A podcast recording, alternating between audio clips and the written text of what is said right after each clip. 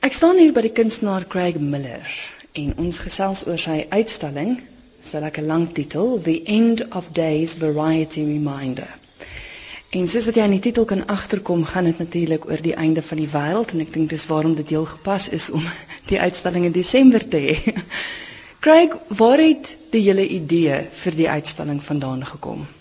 Die afgelope 2 jaar is baie van my werk uh te doen met die bewaring van natuur en die en hoe ons ons natuur be, uh, behandel in die wêreld en ek probeer mense dit meer na uh, die hele wêreld op 'n ander manier kyk. En dan het ek altyd hierdie herhalende tema wat die wêreld sal eindig.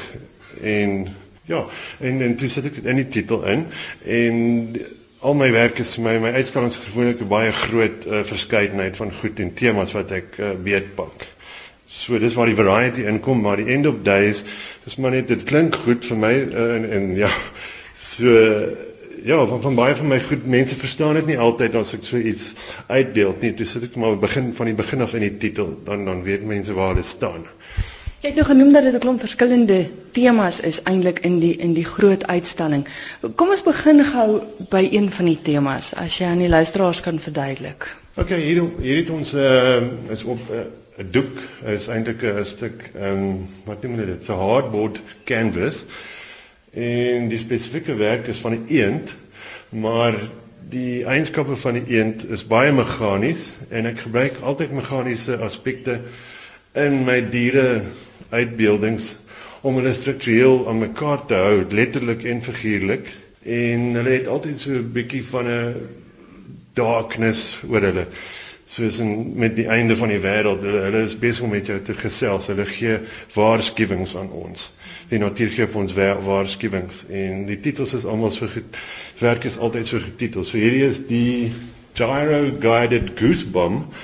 Baie baie snaakse ding maar dis eintlik 'n message wat die wat die natuur van ons instuur. Hulle gaan vir ons laat luister op die ou einde. So ja. En hierdie een spesifieke medium is akriel op bord maar wat hom besonder maak is dat dit eintlik grafies is. Daar's meer lynwerk en as wat daar kleur in is. Dis wat my nogals opgeval het van jou werk, daar is verskriklik baie detail. Ja. Dis jy kan letterlik vir ure voor 'n werk staan en presies wat jy nou gesê het, die lynwerk saam met die verf. Ja, ek hou daarvan om detail te um, oor aksentueer op spesifieke dele van 'n werk want dit dis vir my 'n uh, eintlik 'n artist tool die detail as 'n medium. Ek sal byvoorbeeld 'n klomp nommertjies bymekaar sit in 'n werk. Nie dat die nommertjies 'n uh, betekenis het maar ek hou van die tekstuur van 'n klomp nommertjies saam. Dis 'n ander soort tekstuur en dit laat jou meer kyk. En ja die lynwerk ook hoef ek doen nie die hele ding op dieselfde detail, maar as daar plekke is waar dit nodig is, dan ek aksentueer ek dit. Dis tog en ek mag dalk verkeerd wees, maar as ek so kyk na jou goed, daar's 'n tipe van 'n karikatuuragtige styl daarin. Ja, daar is. Beledig ek jou nou? Nee, glad nie. Nee. Nee, ek ek dink ek ja, ek sou baie goeie cartoonist gemaak het want uh as jy vir my 'n tema gee, dan sal ek dit probeer uitbeeld. En ek gee vir myself my eie opdraggies en deadlines en en temas dan werk ek dit maar uit. Dis ek op my eie uh, mission in my eie ou wêreldjie wat ek so my eie karikature wat ek bou en karaktertjies en storieetjies en elkeen het 'n storieetjie agter hom aan as jy nou lank daarna kyk. Praat van een van die met 'n storieetjie. Hierso is 'n volksie wat onder 'n straatlig is met 'n hond wat blaf. Waar kom die storie vandaan?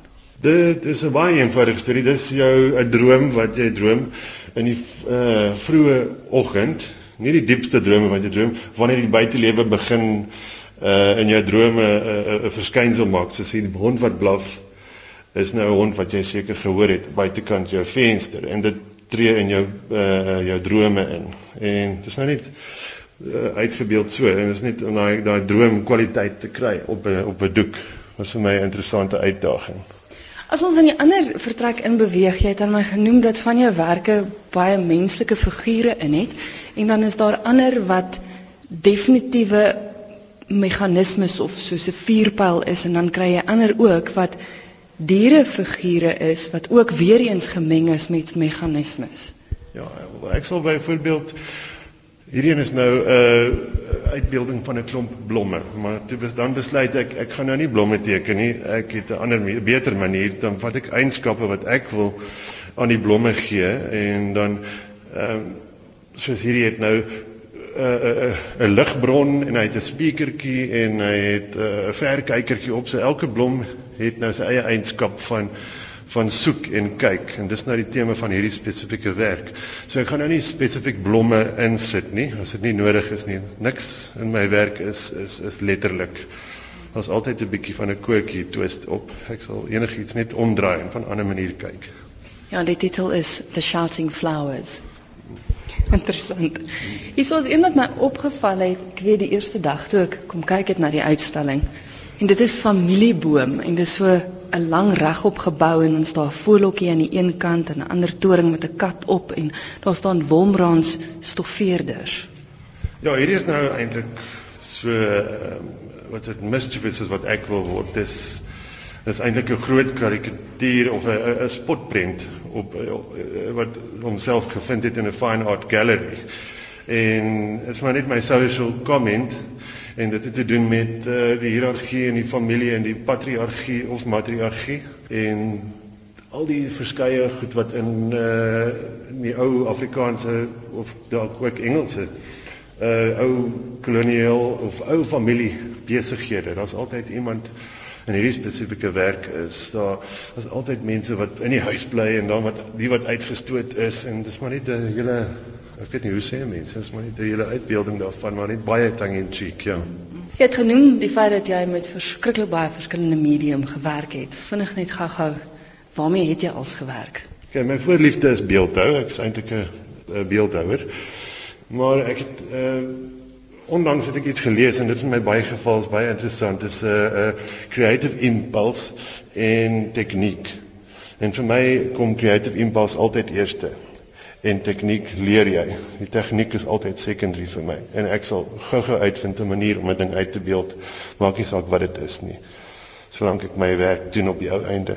Ja, want ek moet sê, ek het nogal stuk kom kyk het na die uitstalling. Ek het jou leer ken as 'n beeldhouer en ek was regtig verbaas om te sien hoe verskriklik baie werk teen die muur is. So dis lekker om jou te sien met 'n ander medium. Ja, die, ja, die werk, die hangende werk en veral die medium waarna ek nou werk is ink en en waterkleur en alle en en en en en pure pigments, artist pigments. Ehm um, dit werk vir my vinniger. Ek kan 'n werk in 'n dag klaar maak en dan kan ek baie doen, baie meer doen. Ek spandeer nooit meer as 2 dae aan 'n werk nie. So en en dan so dan beweeg ek aan.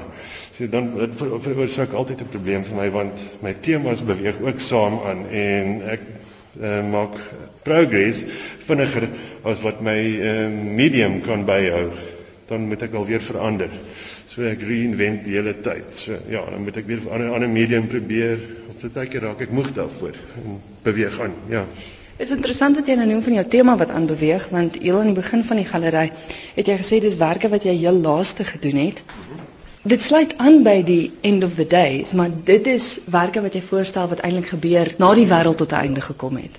Gewoonlik op die einde van 'n uitstalling dan as ek so ehm um, geoefen, soos gesê met 'n tema, dan beweeg goed is baie vinnig aan en dan sluit ek amper af.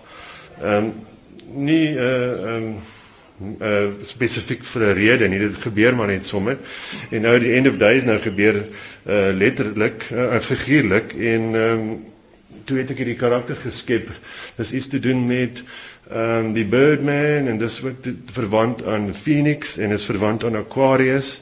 Dis alles Birdman en dis die Age of Aquarius ook net toevallig. Toe het ek hierdie karakter geskep wat nou wat nou ehm um, wat dit hy kom voor na die einde van die wêreld en dis 'n baie rou karakter. Dis 'n manlike figuur en dis wat ek voorstel wat ehm uh, die wêreld gaan uh, bevolk in my ou storieetjie wat ek nou aan die gang het. En dit is 'n baie 'n mitologiese figuur wat ek nou geskep het. So dis nie eintlik getrek van die mitologie, maar dis my eie weergawe van 'n van 'n mitologiese figuur. En hy is nou besig om te uh wat dit evolve. En ja, en ek gaan seker nou aangaan met hom in die volgende uitstalling tot hy nou klaar gewerk is, ja. Ek gaan 'n paar van die foto's wel op ons webwerf sit, maar is daar 'n manier hoe luisteraars van jou werk kan sien? Het jy 'n webwerf? Ek het 'n webwerf uh met baie ouer goed, niks van die nuwe goed wat jy nou waarvan ons nou praat. Ehm uh, die webwerf is uh www.craigmiller.co.za. En my goed is jy kan altyd my goed in Pretoria meestal sien by van die groter gallerye En ja, in volgende jaar gaan ek baie in Johannesburg uitstal. Begin by uh UJ Contemporary en van daar af verder. Ja.